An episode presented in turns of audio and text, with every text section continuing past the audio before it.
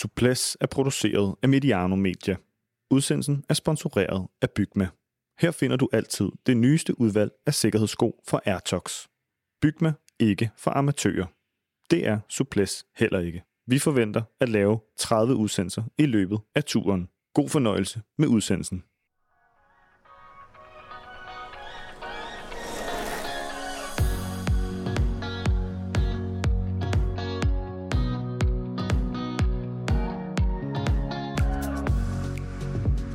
Time efter time, kilometer efter kilometer, skete der absolut ingenting, og så skete der lige pludselig en hel masse på ganske kort tid. Jasper Philipsen vandt på racerbanen i Nagaro sin anden etape i træk efter en afslutning, der var præget af en række styrt.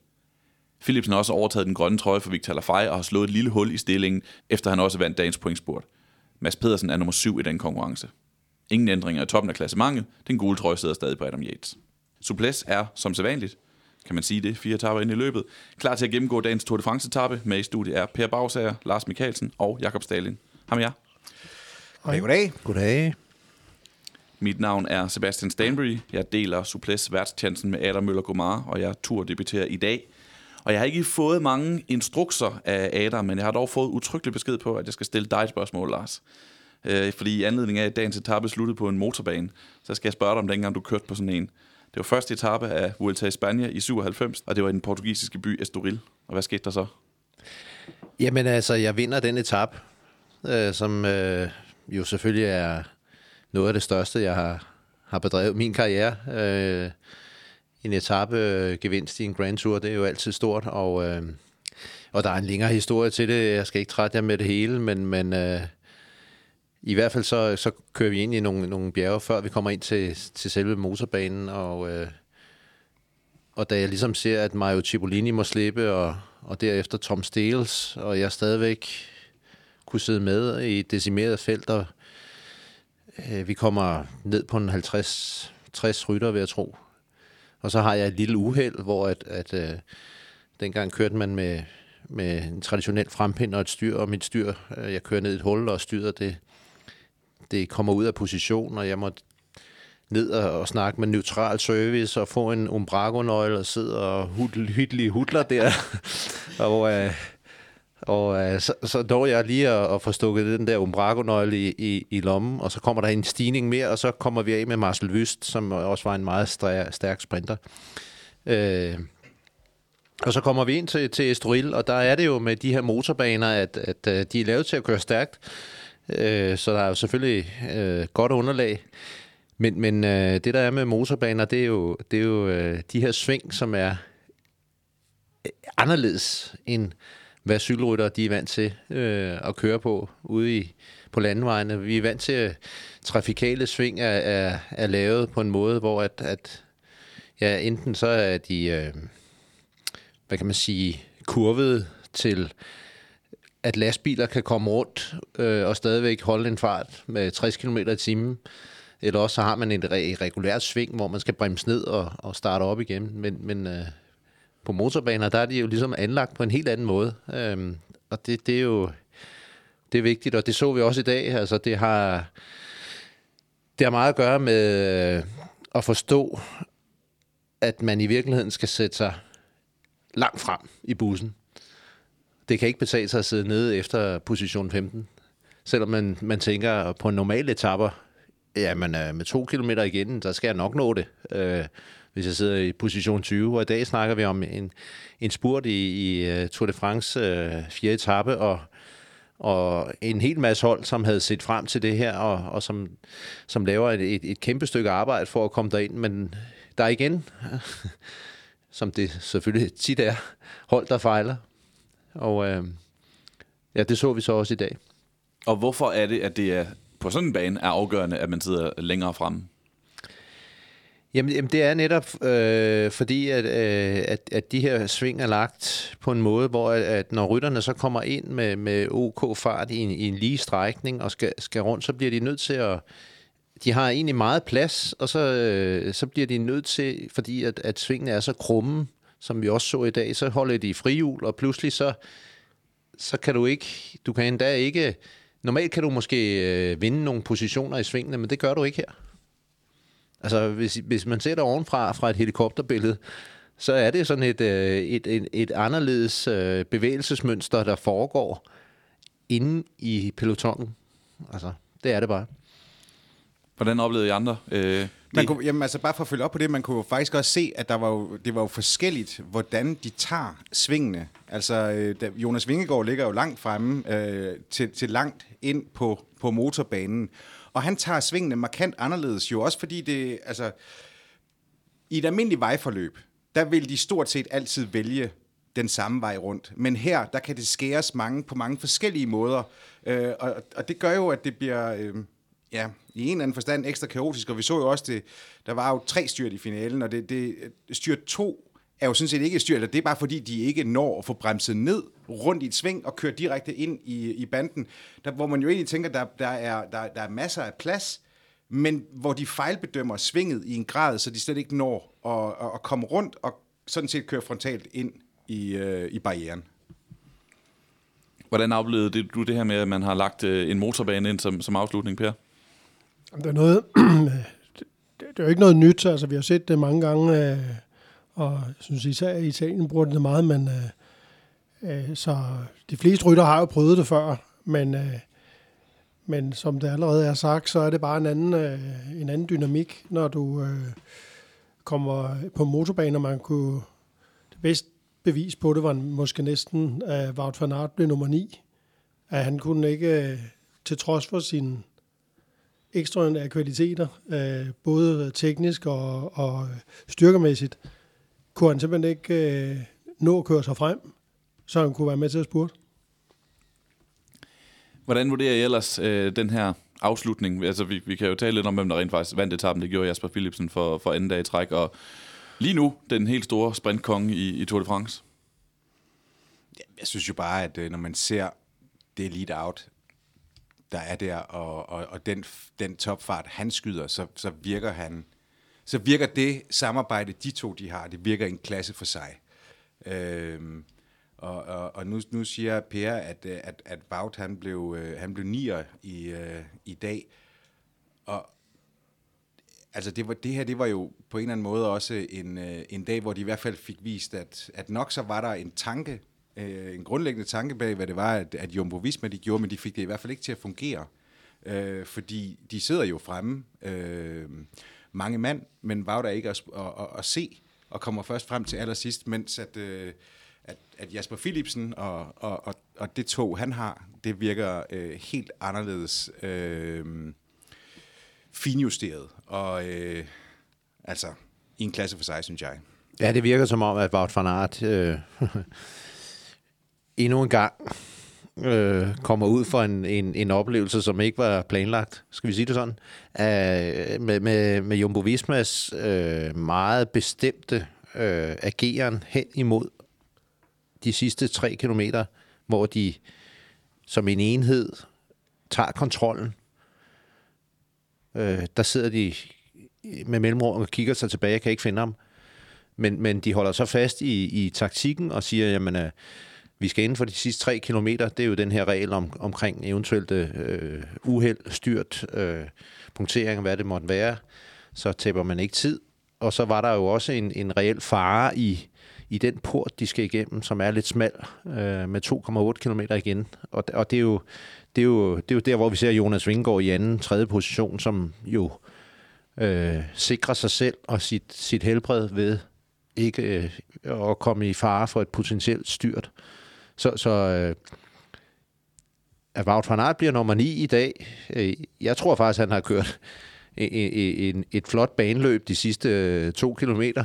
Øh, sådan, hvis man kunne måle tiden, så tror jeg måske, han har været en af de hurtigste, men det er jo fordi, han har skulle prøve at komme tilbage fra en meget dårlig positionering, før han går ind på banen. Men vi talte jo om det i går, at øh, det der med det besynderlige i, at når man ser sådan rytter for rytter, hvad Jumbo Visma har, at de ikke er dominerende tog for Wout van Aert, fordi de om nogen kan der, har der ryttermateriale til at, at holde en fart, så ikke der er nogen, der kører forbi øh, før og til allersidst. Så kan det godt være, at han ikke har sådan verdens bedste lidt af, men alligevel Laporte er heller ikke nogen, øh, altså han er en af de gode i hvert fald, ikke?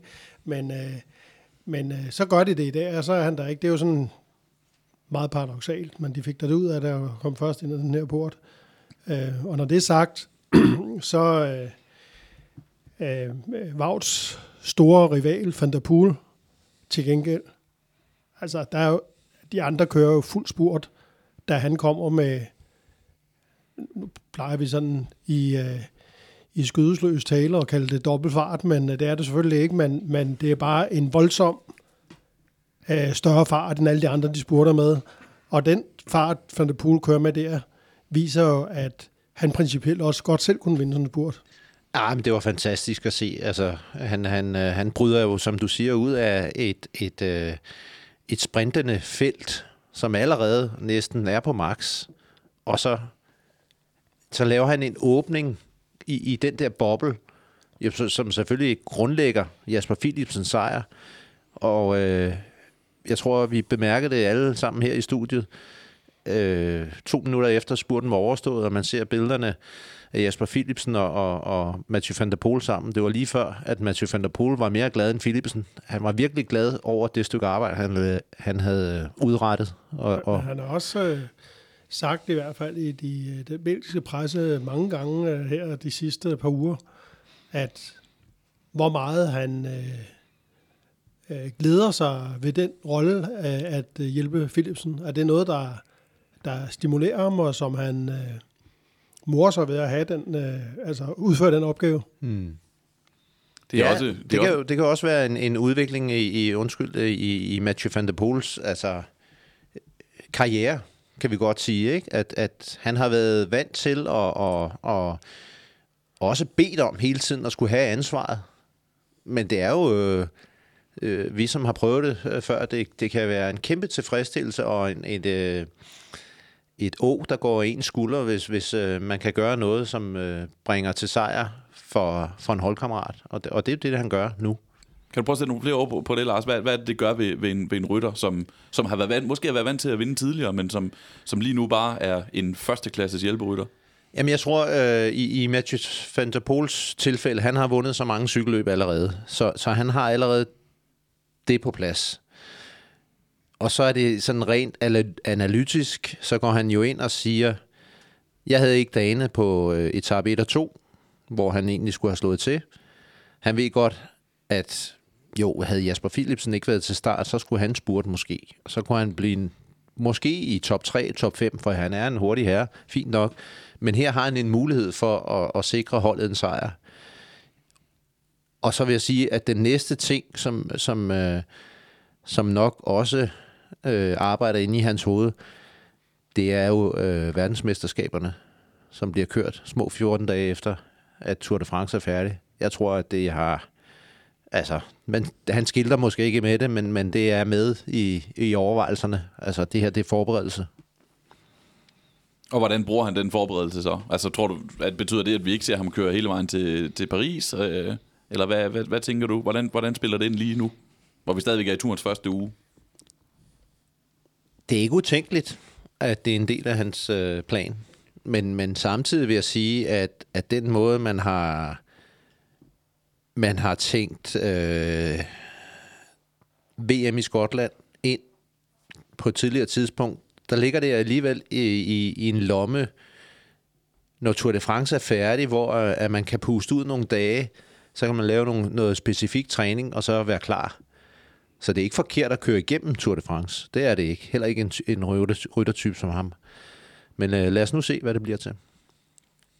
Jeg ser lige her, at øh, en kommentar fra Jasper Philipsen, som giver det bud på kaoset til sidst, at, at etappen har været så nem, så, så der er mange, der, der kommer til mål med, med et overskud og kan, øh, altså har kræfter til at slås for at være fremme og prøve at, at få en placering. Og så siger han, at, at det gik så øh, stærkt i svingene, så han var meget glad for at have de dæk, han havde, fordi øh, at han kunne mærke, at det var på grænsen af, hvad der var greb til.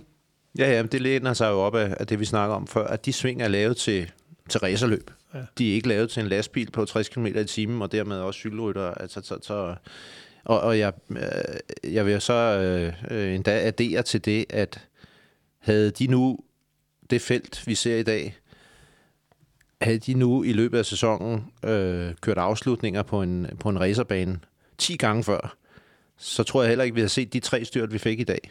Altså, det er jo sådan lige pludselig noget nyt, der, der dropper ned i turbanen på dem, og, og, og hjemmefra på, på hotellet, og det skal nok gå, og det er meget bredere, end det var i går, og der er ingen problemer.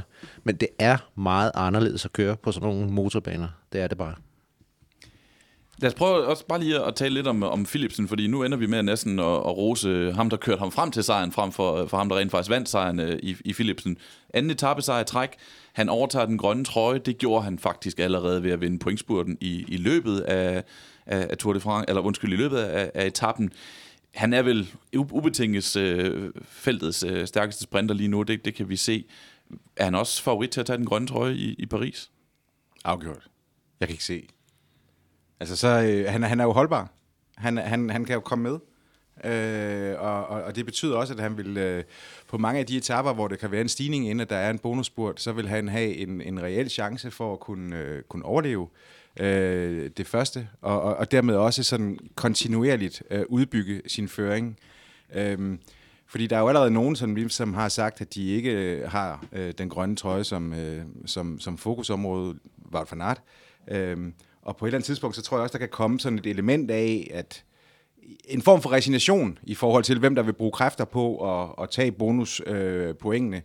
Øh, øh, is, især fordi det er Jasper Philipsen. Havde det nu været en, øh, en Mark Cavendish, som, som lå og kørte øh, i grøn, så ville man tænke, det var jo ikke sikkert, at han nødvendigvis skulle nå til Paris, eller hele vejen. Eller en anden sprinter, som var mere skrøbelig. Øh, det er Jasper Philipsen ikke. Så, øh, så ja, mit bud er, at den kommer til at køre over Champs-Élysées-målstregen i den der ikke mørkegrønne Skoda-trøjen. Skoda-trøjen. Per, i, i optagsudsendelsen, der, øhm, hvor I også snakker om det her med den grønne trøje og, og kampen om den, der lød det lidt som om, det kan godt være, at der ikke rigtig er nogen, der ender med at vinde den faktisk, fordi der er nogen, der måske har fokus på VM bagefter, og det vil ikke rigtig vi kører efter, når lægge de der kræfter, det kræver hver evig eneste dag. Øhm, Lars han lagde op til, at der, det er slet ikke sikkert, at der er nogen sprinter, der kommer i mål, fordi der, der er så mange bjergetapper, og det bliver så hård en tur. Men, men, øhm, men nu ser vi, måske der begynder at tegne sig et billede. Hvordan har du oplevet kampen om den grønne trøje her de første par dage? Jamen, den øh, synes jeg, at Philipsen, han... Øh, er den, der sidder med, med, med de tunge kort der. Altså han, han øh, er jo erklæret, øh, har som erklæret mål at, at tage den. Og, øh, og nu, det vi ser nu, er jo, at han, øh, er han også er den hurtigste. Øh, jeg vil sige, at inden vi startede løbet, der synes jeg, at, øh, at det var ham og Mads Pedersen, der var de to største kandidater, fordi de er begge to øh, robuste og, og øh, kan køre lige så godt i den tredje uge, og måske bedre end, end, end i den første. Men lige nu ser det jo ikke ud til, at Mads Pedersen han, øh, han har fundet benene rigtigt, så han har allerede øh, sat point til både på øh, etape, øh, spurterne og på, øh, på bonusspurterne undervejs. Så, øh, så, så billedet skal jo i hvert fald vinde, og det kan det jo selvfølgelig også sagtens nå. Vi har jo kun kørt i fire dage, så, så der kan jo ske meget, men øh, øh, jeg tror, vi kommer til at se Philipsen både køre efter trøjen og sandsynligvis også at vinde den. Altså det, vi har snakket om før med Jasper Philipsen, hvis man sådan på tværs af de typiske sprinter analyserer på, hvem der er mest resistent i bjergene, så er det Jasper Philipsen, som det ser ud nu i hvert fald. Og der er det, for lige at rette dig, Sebastian. det, det var jeg, lidt provokerende sagt. Ja, det var lidt provokerende, jeg har sagt, at øh, det er ikke fordi, at, at der er ingen sprinter, der kommer til Paris, men jeg tror, der kommer et, et, et frafald af, af især de, de tunge drenge. Jeg tror, det bliver meget hårdt at komme igennem. Det er det hvert år, men især i år. Nu nævner du Mads P., øh, Per. Hvad skal vi mene om hans Tour de France indtil nu? Fordi der har både været, vi har set eksempler på, at han har vundet øh, spurter ude i, ude i marken. Øh, vi, der var også etappen, var det anden etape, hvor han kom rigtig godt med over, over, øh, over stigningerne, måske bedre, end man lige havde forventet. Men så har han ikke været der i, i sprinterne, hvor, hvor det hele skulle afgøres. Hvad er jeres indtryk af ham og hans form lige nu? Per, du kender ham bedst. Jamen altså, øh, der er ingen tvivl om, at han er utilfreds. Og nu øh, i går aftes hørte jeg, at han sagde til Anders Milke i et interview, at I'm pissed. Og øh, så er han jo dobbelt pissed i dag. Øh, det er der ingen tvivl om. Men men øh, man kan jo ikke engang sige øh, entydigt, at, at, at så har han trænet bjergben i stedet for at træne spurtben, fordi øh, han var jo også dårligt kørende på, øh, på den første bjergetap. Og så var han til gengæld godt kørende på øh, jeg skal Jaskebel. Selvfølgelig han, skal han nok finde nogle ben øh, i løbet af turen, fordi øh, han har nærmest trænet det, det, det hårdeste, han nogensinde har trænet til den her tur, så, så øh, måske har han også trænet for hårdt, så han, øh, så han kommer for træt af i turen, og, og så må vi se, om han kan reparere på det. Men, øh, men altså, jeg skulle kende ham dårligt, hvis ikke han hiver et eller andet op af hatten undervejs, men lige nu, der er han ikke kommet så godt fra start, som man havde håbet på, det er helt sikkert. Nej, og vi, og vi, har, jo, vi har jo talt om, at, at han... Øh hvad skal jeg sige, han har sat nogle krydser i bogen, og, og selvfølgelig har de her anden, eller tredje, fjerde etap været, været måske halvkrydser, fordi der er nok, måske, altså, hvis, hvis han finder de bjergeben, som vi kender ham lidt fra, fra så kan han jo, så kan han jo komme med i, i noget lidt sværere terræn. Øh, om det er i etap 8 til Limoges, for eksempel, det har vi snakket om, eller om det er helt henne i den anden ende, etap 18, altså, der kommer noget, hvor at, at hans, øh, hans, øh, hans bund, ligesom, altså, hvor stærk han er, måske øh, kommer, ham til gode, ikke? kommer ham til gode på en helt anden måde, ikke? Hvad, hvad var det sidste år? Var det 13. etape? 13. Ja. Ja, han vinder. Øhm, så, og, og det siger han jo også selv, altså at, at en af hans fordele er jo, at, at han ikke, øh, den akkumulerede træthed, den bider ikke så hårdt på ham, øh, som, som den gør på andre. Øhm, så, øhm. Men han er, han er ikke glad for, for det, der sker nu, fordi han blev fint det er jo, det er jo så også. tydeligt, at, at han mangler fart i benene, og det gjorde han øh, både i går og i dag i spurterne, og han øh, gør det også i, øh, i øh, bonusspurterne. At det, det, der er jo, han, han er jo sådan pænt langt fra os og, og kunne matche Philipsen og, og Caleb Ewan og de der. Øh, så lige i øjeblikket i hvert fald. Så. Ja, fordi der var jo ikke noget i, den, i vejen med den måde, han bliver afleveret. Nej, altså. nej, det var perfekt. Altså, det var, han sad rigtig godt ind til Van der Poel, han kom varende udenom. Er der ellers noget, vi skal have med fra, fra afslutningen på, på etappen i dag, inden vi taler sådan lidt mere generelt om etappen? Der var jo en, desværre en vis ironi i, at Fabio Jacobsen var ude og kritisere afslutningen på etappen i går, øh, og sagde, at han ville hellere have et langt lige afslutning, som der så kom i dag, frem for de, de sving og kurver, der var i går, hvorefter han så ender med at, at styre det. det forlyder, ja, han nåede ikke ind på den lige strækning. Nej, det gjorde han, det gjorde han ikke. Øh, det forlyder, at han er det er Kasper Askren, der siger, at han er godt gal derinde lige nu. Det er hans citat om, om øh, altså en, en, en gal rytter. Han, han er noget i mål, Fabio Jacobsen, skal det siges. En gal rytter er så selv bedre end, end en, der slet ikke kan sige noget, og slet ikke være vred. Men, øh, men hvad, hvad, hvad, hvad, hvad tænkte I om afslutningen kontra den debat, der var om den i går? Jamen, så jeg kan se, at øh, nu her efter mål, øh, i hvert fald, at både Van der Poel og Philipsen, de siger, at det var meget farligere i dag end i går. Jeg står og kigger på det samme fra de belgiske medier.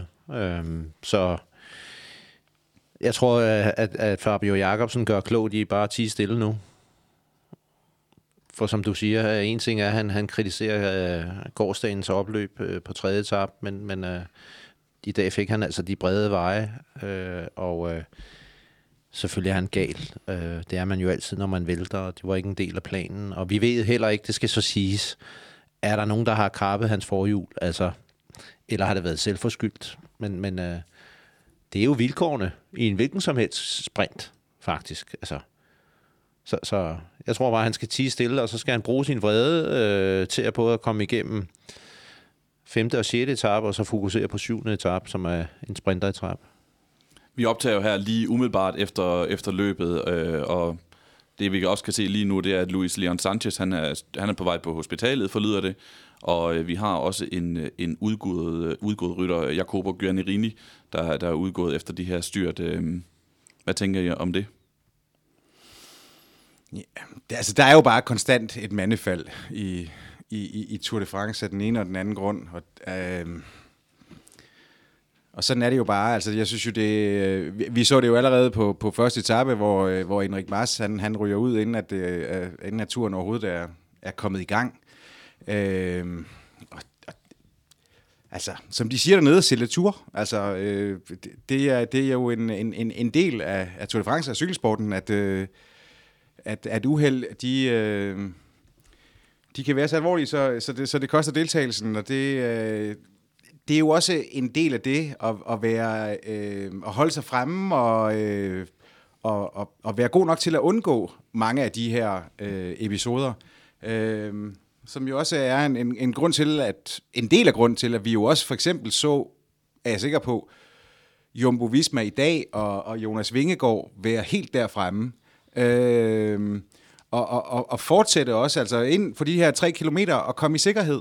Men jeg skal bare lige høre en ting, øh, fordi nu jeg er lidt nysgerrig på, og jeg vil gerne lige, hvis jeg må spørge mine, øh, øh de, de to herrer, som trods alt har en, en erfaring ude i cykelsporten.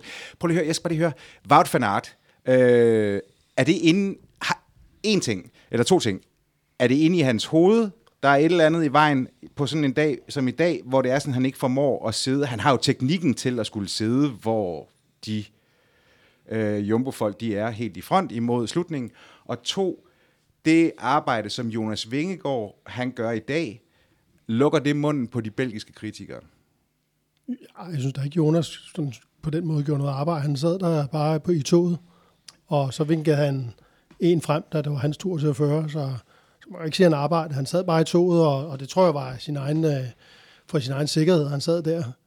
Øhm, Øh, jeg tror ikke sådan, det var tanken, han skulle spille en rolle i den sammenhæng, men, men øh, Fanart var jo nede øh, kort tid inden, øh, at de begyndte at køre tog. Øh, altså, de begyndte at køre stærkt, var han jo nede i bilen for at og øh, konferere med sportsdirektøren om at se nogle, nogle billeder af, af opløbet, altså af, af banen derinde. Ikke? Så øh, han har i hvert fald haft øh, planer om at køre øh, finalen, øh, det er der ingen tvivl om. Jeg, jeg tror ikke, at det sådan har været noget i hans hoved, fordi jeg tror, at, at øh, har et stærkt hoved. Det er jo det, han er, er kendt for alle, der kender ham, siger. Der, der må være øh, sket et eller andet, der har forhindret ham i at, at sidde øh, på sit tog.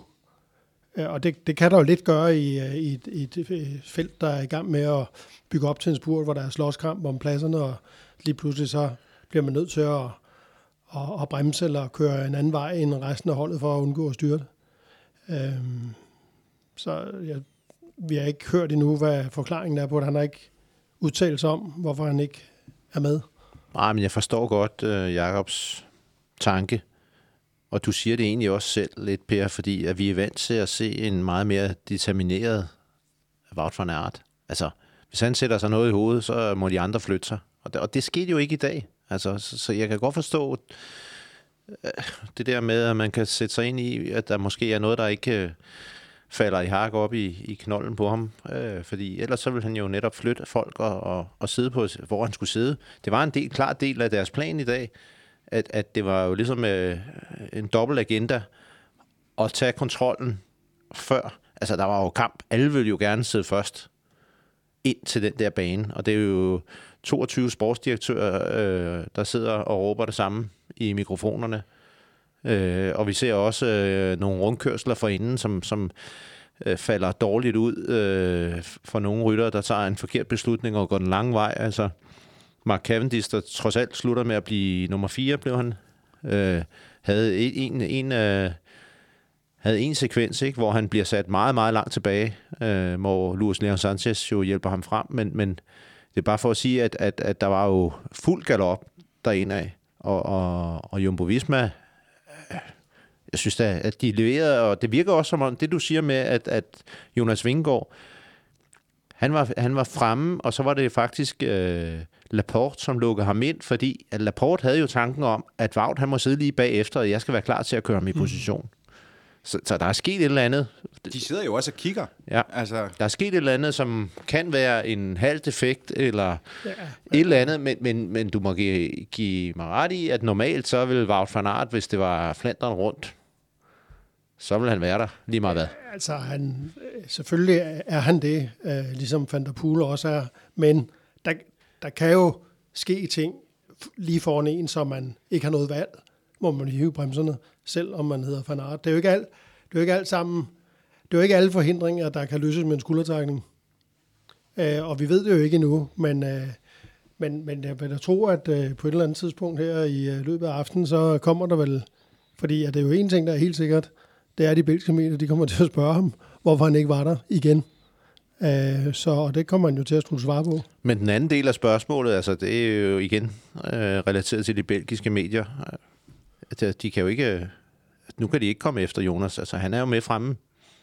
Altså, i dag kan de pege på, på deres egen mand, jo, der ikke er med fremme. Altså, Jonas var jo med fremme, og øh, det, de har brugt før som argumentation for øh, hans øh, nærmest illoyalitet over for Wout van Aert, øh, den eksisterer jo ikke i dag, i hvert fald.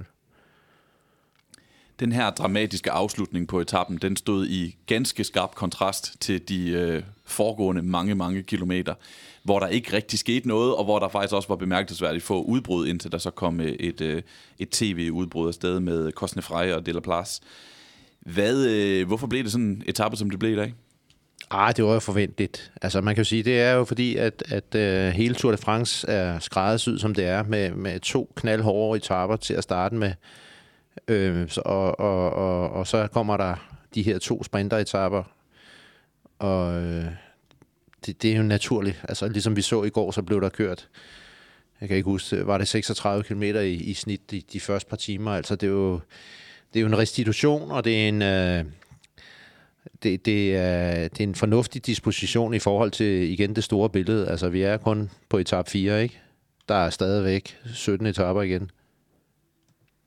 Hvad, når eksperter som jer, når I sidder og ser sådan en etape i dag, hvor der faktisk ikke sker det helt store, hvad, hvad får I så ud af det? Hvad, hvad sidder I og holder øje med? Jeg synes, at sådan en dag som i dag, øh, synes jeg ikke, der er så farligt meget at holde øje med. Øh, altså, hvis jeg skulle sige noget, jeg noterer mig på sådan en dag, så er det at netop fordi, det er så kedeligt. Og øh, nu har jeg jo denne her forpligtelse til at stå her og tale om etappen, og derfor er jeg også nødt til at se den. Uh, og det er ikke sikkert, at jeg havde set så meget af den, hvis ikke jeg skulle være her, men, men så kan man jo sidde og kigge på sociale medier, mens man øh, keder sig. Og øh, det, jeg så hæfter mig med, det er, hvor mange mennesker, der simpelthen er rasende over, at rytterne de ikke kører. Og øh, altså, jeg tænker, at altså, jeg synes jo, det er godt, at det er rytterne, der bestemmer, hvordan cykelløbet øh, bliver kørt. På godt og ondt. Det er også dem, der bestemmer, når der er fyrværkeri hver dag, ligesom der var sidste år i turen. Og øh, altså fordi der ikke kommer, øh, fordi der kommer en dag, hvor champagnepropperne de ikke springer hver femte sekund, øh, det øh, er fuldstændig naturligt i etabløb. Det var sidste år, der var atypisk, at, at det øh, var champagnegalop fra start til mål hver dag. Øh, sådan en etape her, det, det hører med til en uh, Grand Tour, og der kommer rigeligt med etaper, hvor det bliver anderledes. Altså jeg vil også bare sige, der, de danske etaper sidste år var jo også på den her måde.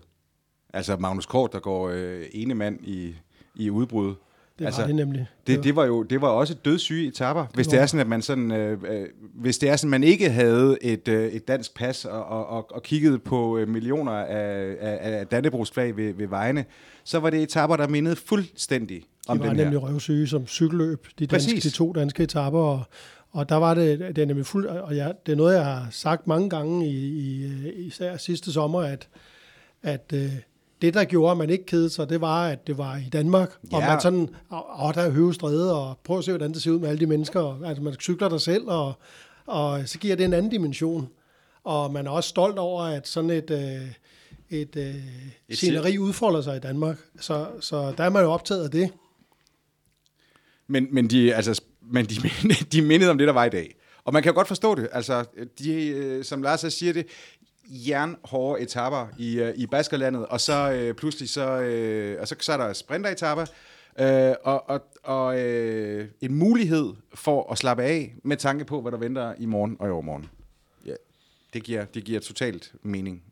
Lars, vi så så det her tv-udbrud, der trods alt kom afsted øh, og kørte i en, en god del kilometer, inden de så selvfølgelig blev hentet. Og det vidste vi godt alle sammen, at de her to franske ryttere, de ville aldrig nogensinde komme til mål alene og, og skulle spurte om sejren. Øhm, hvordan er det som sportsdirektør, når man sender sådan et udbrud afsted, og godt ved, det der, det kommer aldrig til at holde ind, men man skal lige op under de der rytter til at komme ud og køre lidt? Ja, det er svært, men jeg vil sige, det er nok nemmere, hvis man er fransk øh, sportsdirektør i Tour de France. og give besked på, nu skal vi lige frem og vise farverne og øh, få noget tv-eksponering. Øh, og helt forståeligt, altså, det er jo, det er jo fransk cykelsport er jo en, øh, en, en vigtig faktor, og, og øh, der er nogle øh, sponsorer, som jo nærmest, altså sponsoratet er bundet af, at man deltager i Tour de France. Mm. Så, så, så, så de skal jo frem og vise trøjen, og øh, hvis man som øh, Arkea Samsic ikke har en øh, sprinter, der kan være med øh, i de her dage i dag, jamen, så er det jo en, en fornuft, fornuftig disposition, og det samme med AG2R øh, Citroën. Øh, de har heller ikke nogen sprinter, så det, det er jo det er jo rigtig fint. Altså, det er måske ikke så sjovt at hedde Cosnefra eller De La Place, øh, når man sidder derude, fordi man ved godt, hvad klokken er slået, men, men altså, øh, det er, en, det er en del af gamet.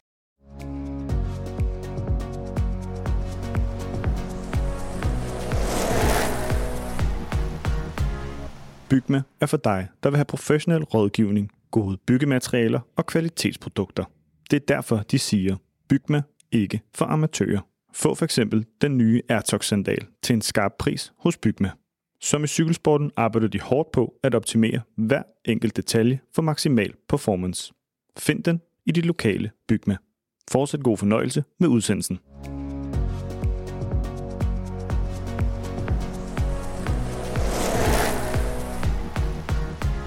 Suples er bragt i samarbejde med Bygma, ikke for amatører, og vi skal have øh, dagens detalje. Lars, som det er dig, jeg har givet til opgave at udpege i dag.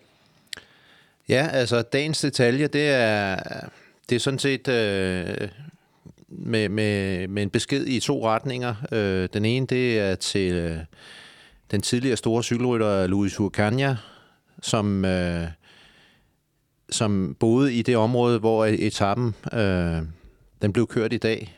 Øh, det gjorde han igennem en, en stor del af hans liv. Øh, han er sådan set, som navnet næsten antyder, øh, født i Spanien og har boet, øh, eller boet sine første øh, 10-12 år af sit liv i, i Spanien. Øh, og så valgte hans forældre at flytte til Frankrig, og så har han jo sådan set været en adopteret søn til, til hele det franske cykelmiljø, som jo naturligvis, når man har en, en, øh, en, en talentfuld rytter som ham, øh, tager imod ham, og, og det var jo også der, hvor at, at han, øh, og det kan Per hjælpe mig med lige om lidt, øh, sådan set øh, grundlægger sin, sin, øh, sin heltestatus. Øh, jeg husker Louis Ocania øh, på billeder, fordi han er jo født i 1945, og øh, hans storhedstid var, mens jeg ikke, ja, han altså gik rundt i blæ, men, men øh, han, øh, han, øh, han, han gik jo... Altså, det billede, jeg husker, det er BIC-holdet, BIC-holdet. Og, og folk kender måske øh, BIC, den, den franske virksomhed, som laver kuglepinde og, og barbergrej. Og, øh, og en anden rytter i den forbindelse, som vi kendte, og som øh, fulgte Louise Kanya parallelt, det var jo Leif Mortensen øh, fra Danmark. Øh, så, så, så stor ros til ham, og rosen den går sådan set ikke til Luis Ucania, for han er gået af dage, øh, og det kan Per øh, lige følge op på om lidt måske. Men, men rosen ligger sådan set til ASO. Øh, man kan diskutere løbsorganisationen og kritisere dem på mange områder, øh, men, men øh, Amauri Sports Organisation, som det hedder, og en forkortelse af ASO, er et familieejet øh, foretagende, som nu efterhånden arrangerer rigtig mange af de store cykelløb. Øh, om, om det er Tour de France, om det er Vuelta i Spanien, om det er Criterium du Dauphiné, øh, Paris-Nice, Paris-Roubaix. Øh, vi, vi kan blive ved af Lies Paston Lies. Øh, nogle gange, når Colorado eller eller Kalifornien, de, de vifter med flaget fra USA, jamen, så kommer de også over og laver cykelløb der. Øhm, men men øh, hatten af for, at de ærer en rytter som Luis Ocaña, og jeg synes sådan generelt må jeg sige, at de har været dygtige til sådan øh, at ære en hel masse historiske begivenheder. Nu er Louis Ocaña et eksempel på, øh, som jeg sagde før, en adopteret søn til den franske cykelsport. Øh, men, men vi kan jo også bare tage øh, Le Grand Depart 2022 i København. Det var jo også en hyldest til danskerne og at vi er, København er cykelcity number one, og, og man gerne vil brede det budskab ud, fordi der sidder jo trods alt, øh, jeg ved ikke hvor mange millioner af mennesker og kigger med. Der er 190 lande, der broadcaster det her cykelshow, så, så stor ros til ASO. Og så ved jeg ikke, om, øh, om den passionerede historiefortæller Per Bagsager kan, kan knytte et par ord til, til Luis Ucania. Ja, med lethed. øh, Øh, Louis Okanja var i, øh, i mine øh, sådan junior år, sådan i starten af junior og senior, en, en kæmpe held. Og det var han, fordi han, han udrettede utrolige bedrifter. Okanja var en, en rytter, som havde meget, meget langt mellem sin top og sin bund. Uh, han kunne virkelig køre elendigt, men når han kørte bedst, er der få på den her planet, der har kørt cykelløb så stort og så stærkt, som, som han har gjort. Og han var jo en, øh, en øh, klassisk øh, grimpør, men han var også en formidabel temporytter, når han var, når han var kørende, når han var i form. Og øh, Tour de France i 1971, der har jeg været 15 år, og det står for mig den dag i dag som øh, det mest dramatiske Tour de France nogensinde hvor, øh, og, og det til trods for, at dramaet, det varede kun fra 8. til 14. etape. Men på 8. etape, der er de mål på Pytte Dom, som de også har i år på, jeg tror det er 9. etape i år, ikke? Og der øh, fik Okanja simpelthen skål, skålen under Eddie Mærk, som var jo fuldstændig uovervindelig i alle terrænger. Og, og det var jo en, en jordrystelse, at, øh, at der var nogen, der satte Eddie Mærks. Og to dage efter, punkteret Mærks, hvor de havde opløb inde i Grenoble, og øh, Okania sammen med Sotemælk og to andre, de øh, kørte, så Mærks ikke kunne komme op. Han mistede et minut, og allerede dagen efter, på en 120 km bjergetap op til øh, Ogier hvor de også kørte op sidste år, der lagde Okania fra land øh, kort efter start, og på 100 km udbrud, der kørte han i det Mærks 8 minutter bagud. Og øh, Mærks, han, der var ingen, der ville hjælpe Mærks, fordi han var jo kannibalen, og han havde jo øh, øh, spist de andre til morgenmad i, øh, i flere år efterhånden, så, så der var ingen hjælp at hente. Han måtte føre alene hele dagen, og øh, Van var imellem. Han havde været med i udbruddet fra starten, den store bjergkonge, så han kom på mellemhånd, men Mærks, han kom ind, der var otte mand tilbage på hans hjul, da han kom i mål, og det var altså otte minutter efter Orkanja.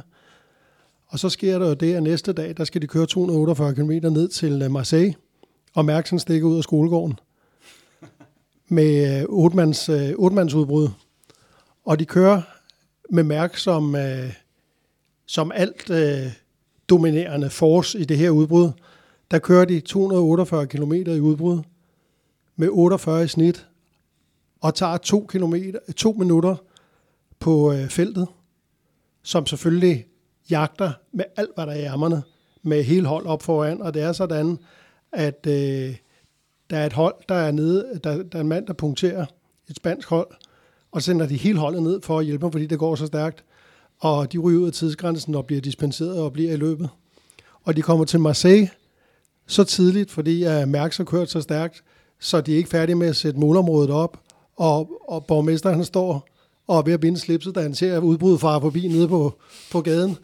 Og tv er ikke klar, og han bliver så tosset, den her borgmester, så han siger, at Marseille kommer aldrig nogensinde til at være målby for Tour de France igen, og der kommer også til at gå 16 år, inden det sker.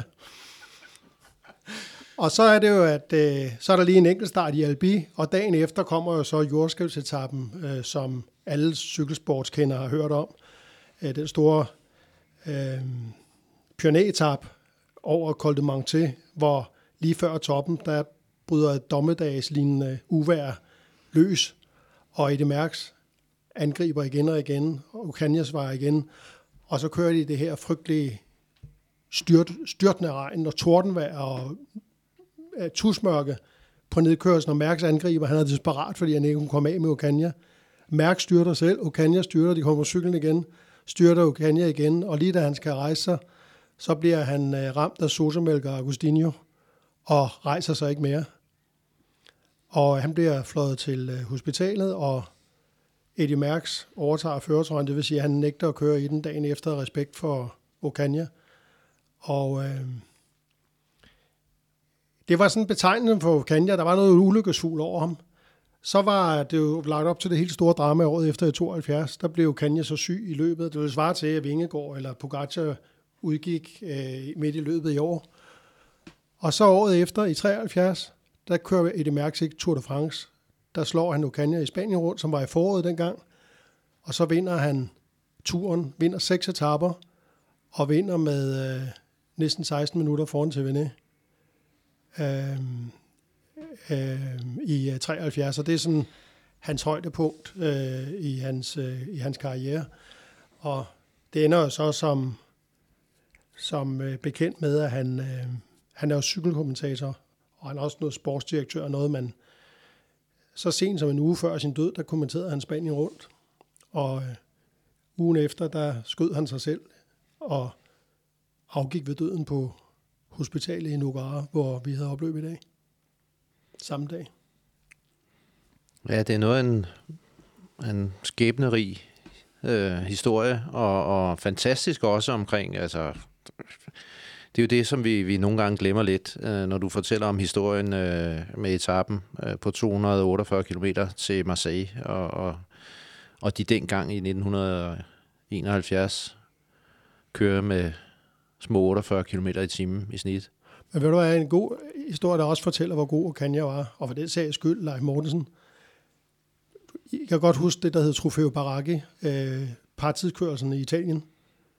I øh, 1971, da han var udgået af turen, der vandt han øh, Grand Prix Lugano, som var en kæmpe enkeltstart dengang. Han vandt Grand Prix de Nation ugen efter, og ugen efter igen vandt han Baraki tidskørelsen parløb over 106 km sammen med Leif Mortensen. Der kørte de 48,7 i snit. Og det var en rekord, som ikke engang Eddie Merckx og Roger Sværts kunne slå året efter. Og jeg vil våge den påstand, at selv den dag i dag, hvis du skulle finde to ryttere, der på almindelige gammeldags 9 kilo cykler med kabler over det hele, uldbukser og tårklips, skulle køre 48,7 i snit over 106 km, der skal du øh, lede godt og grundigt. Det er en fantastisk historie om Luis Ocaña, en fantastisk skikkelse i cykelsportens historie, og, og for at vende tilbage til din øh, detalje, Lars, så er det øh, dagens detalje, så er det så fint, at ASO sørger for, at vi også får fortalt den der, de der historier som en del af, af årets turrute. Det blev en meget udfoldet detalje den gang. Ja, jeg elsker det. det. Skal vi øh, prøve at lave en overgang? Jeg ved ikke, man kan gå videre fra øh, Luis Ocaña til femte etape på Tour de France 2023, men den køres altså i morgen. Øh, der køres 162,7 km øh, fra Po til La Run, og øh, det er en bjergetappe. De rammer Pyrenæerne. Der er tre stigninger. Col de Sodé uden for kategori, Col de Chert, kategori 3, og så Col de Marie Blanc, øh, som er en kategori 1-stigning, som, øh, som jeg lige husker det. Og de kørte jo en lignende etape i øh, 2020, det var en 9. etape, hvor der var en øh, 22-årig slovenier, slovener, der vandt sin øh, første turetappe. Jeg ved faktisk ikke, hvad der er blevet af ham sidenhen. Øh, hvad skal vi holde øje med i morgen? Ja, men det bliver jo, øh, vi var inde på det øh, omkring øh, Tour de France og respekten for løbet og, og, og de franske hold, øh, som skal ud og vise sig frem. Øh, og når det er sagt, så, så er der også en, en, en, Nelson Paulus, som vi har snakket om før, som, som øh, kører i den prikkede føretrøje øh, fra bjergkonkurrencen, og han, hvis han fortsætter sit forhævne, som jeg jo har været inde på, jeg ikke håber på, at han gør, fordi jeg ser ham gerne, at han, øh, han ender i, i top 10 i det samlede klassement på, på Per Bagsers uh, top 10-liste. Øhm, men han kunne også være en, en klient til at køre ud i, i det udbrud, og så vil vi jo se, øh, efter min overbevisning, øh, en, øh, en kombination af, af UAE, Mikkel Bjerg, Vigard Stange Længe, øh, fører et godt stykke derhen af. Det er jo øh, altså, en forholdsvis kort etape, og den er, hvis man, hvis man tænker, tænker Vigard Stange Længe fra UAE-holdet, øh, jamen, så har han øh, 70 km, han skal føre i, og så kan han så finde sin gruppetto, og, og så kan de køre op ad det første bjerg. Og der vil jeg tro, at, at der vil blive kørt kontrolleret, så Mikkel Bjerg han kommer med op over. Og så kan de så sende Mikkel Bjerg frem og føre igen øh, fra toppen efter kilometer 87,5. Og så vil vi se et festfyrværkeri på den sidste stigning, hvor at de følger, her, øh, følger hinanden af på tænderne igen, øh, de to kampaner. Det er mit bud. Nogle indvendinger? Nej, jeg tror da også, at altså, det vi jo har set, det er bare, at, at når, det har, når der har været stigninger, så, så har øh, Bogacar og, og Vingegaard været i en klasse for sig, og, øh, og Col de Marie Blanc, den sidste stigning, øh, der er de sidste 4,8, de ligger med øh, 10,5 procent. Øh, samt, altså, den, den stejler virkelig, virkelig op til sidst. Øh, så jeg, kan da, jeg tænker da, at, at det igen vil være de to kampagner. Jeg er, mere, øh, jeg er mere usikker på, hvordan det så kommer til at forløbe efterfølgende. Øhm, fordi der er jo de her 18, 17, 18, 19 kilometer, øhm, og ikke direkte over i en nedkørsel. Øh, det er sådan lidt, øh, lidt plateauagtigt, og så, øh, og så kommer der en nedkørsel, og så er der sådan en, en, en 8 km med sådan noget falsk flat op mod mål. Øh, så, så der er jo mulighed for, at der kan komme tilslutning bagfra i forhold til, hvad, hvad vi har set øh, tidligere. Altså, hvis det er sådan, at vi skal drage nogle paralleller fra de første etaper, så har det jo været, at Jonas han dækker Pogacar op og ikke deltager i et, øh, et føringsarbejde. Øh, jeg er spændt på at se, hvad, øh, hvad, hvad det kommer til at være i morgen, men jeg er ret sikker på, at vi kommer til at se de to igen være i en klasse for sig på de sidste 4,8 kilometer på Marie Blanc. Hvad siger sportsdirektøren, vil, øh, hvis det sker, Jakobs scenarie, vil Jonas så føre i morgen? Altså, på... Du mener i forhold til nedkørslen? Altså, hvis de Ja, hvis kommer det er sådan, op at de to, de, de ligger og de kæmper, og de kommer først over toppen, så, så har vi jo bare set, at Jonas han har bakket af på Pogacar. Pogacar han har givet ham album, kom, vi skal frem, og vil du deltage? Med, med tanke på, hvad der ligger tilbage på den etape med... Øh, Ja, ja, ja, jeg hører, hvad du siger, men jeg tror, at det kald, det kommer fra refererende til det, vi har set Jonas, han har kørt på etape 1 og 2, og, og beskyttende i forhold til Vart van Aert. Det skal han jo ikke i morgen, formentlig. Så bliver han nødt til at høre, at Wout, han bliver nødt til at melde ud på det sidste bjerg, om han er klar eller ikke er klar. Og det er det, der afgør, om Jonas han vil føre nedad. Nu har jeg lige kigget vejrudsigten, og det ser ud som om, at der kommer lidt regn, øh, når de kommer op på den sidste stigning. Så det kan godt betale sig faktisk at være, om, om Wout er med eller ikke er med, så kan det godt betale sig for Jonas at tage del i, nu siger jeg, føringsarbejdet nedad. Simpelthen af, af sikkerhedsmæssige årsager. Så hvis, hvis, hvis vejrudsigten holder, altså, så kunne jeg godt forestille mig, at uanset hvad, så vil han øh, køre med derfra. Om- om, nu det om- var dig, der sad i Jumbo Visma-bilen og havde ledelsen, og de kom op over, nu siger jeg med 20 sekunder på toppen af den sidste. Vil, vil du så sige, at han skulle køre med, eller han skulle lade være? Altså kun de to, Ja, så vil jeg sige, at han bare holder sig på hjulet. Det vil jeg. Fordi som det, vi har det, set. Ja, og det er, det er, det er to årsager. Det er et, øh, er det jo tilbage til, at, at turen er lang. Øh, og to, så er det den der øh, psykologiske krig, som egentlig også hænger lidt sammen med et tredje punkt, og det har vi snakket om før. Jonas ved jo godt, når de kommer hjem, så er Pogacar hurtigere end ham. Altså, så skal han i hvert fald være sikker på, at, at, at de fire sekunder, han saber, fordi at Pogacar vil vinde og få 10 sekunder i bonus, og Jonas vil få 6, at dem kan han hente ind senere. Men, men man kan jo sige, derfor ved ikke at føre, så kan han lige så godt få tre andre kanaljer til at tage de bonussekunder på stregen, og så være Execo den situation, han er i. men han risikerer også meget let, at Pogacar vinder anyway, og han bliver nummer 6 og får ingenting. Det, det har du ret i, men, men øh, ja, ja, jeg vil bare sige, at af de andre to årsager, så vil jeg sige, bliv på hjulet. Der er altså også bonussekunder på Col de Marie Blanc. Altså på toppen der, de 8,5 Dem kommer de til at køre efter. Ja, hvis ikke der er nogen ude foran. Ja, det, altså det, præcis, det, det, kunne, jo- det kan jo også godt være, at det bliver sådan et to løb i løbet. Altså, at, at der er nogen, der rydder det forud.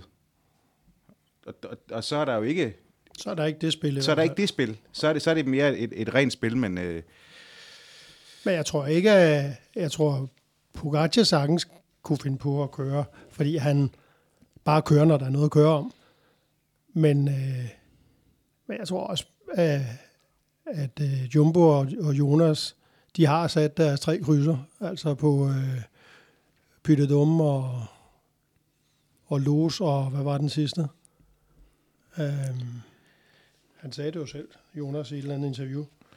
At Jamen, der, var, der var tre er etapper. Han, øh, Er det så den sidste? Nej, han men er det ikke allerede i år, morgen? Tourmalet. I Tourmalet-etappen? Det er jo den eneste, det er jo den eneste gang ud over Col de la Los, hvor de er over 2.000 meter. Øhm, men, men jeg har også en fornemmelse af, at, at de holder sig til en plan, der de er med i lommen hjemmefra. Det at Tourmalet skal køres allerede i overmorgen, kommer det til at få nogen betydning for, hvordan man, øh, man kører ta- etappen i morgen?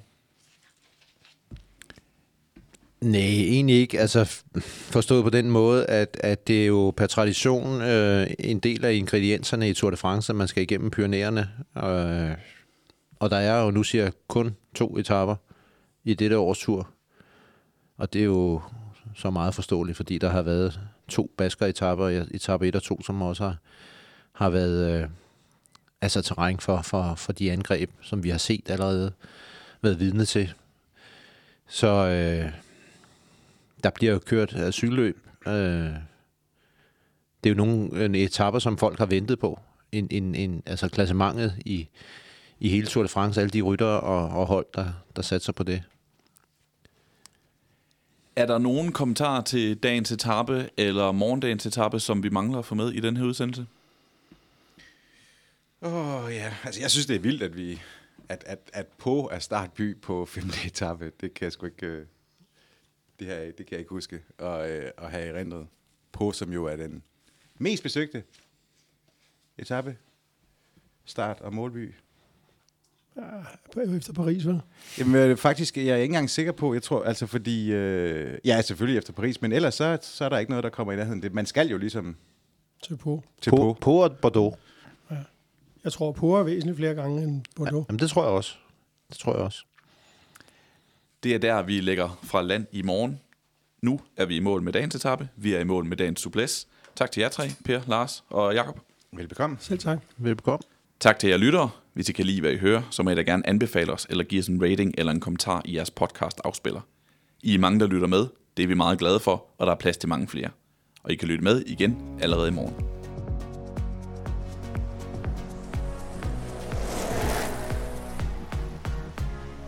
Suples er produceret af Mediano Media. Tour de France på Suples er sponsoreret af Bygme. Her finder du altid det nyeste udvalg af sikkerhedssko fra Airtox. Bygme. Ikke fra amatører. Hos Bygme siger de, at i løbet af tirsdagen ikke er godt nok. Hos Bygme er en aftale en aftale, og den er til for at blive holdt. Du kan lige nu vinde en racercykel ved at tilmelde dig Bygmas nyhedsbrev. Følg link i podcastbeskrivelsen eller i artiklen, der medfølger denne podcast. Tak fordi du lyttede til Suples.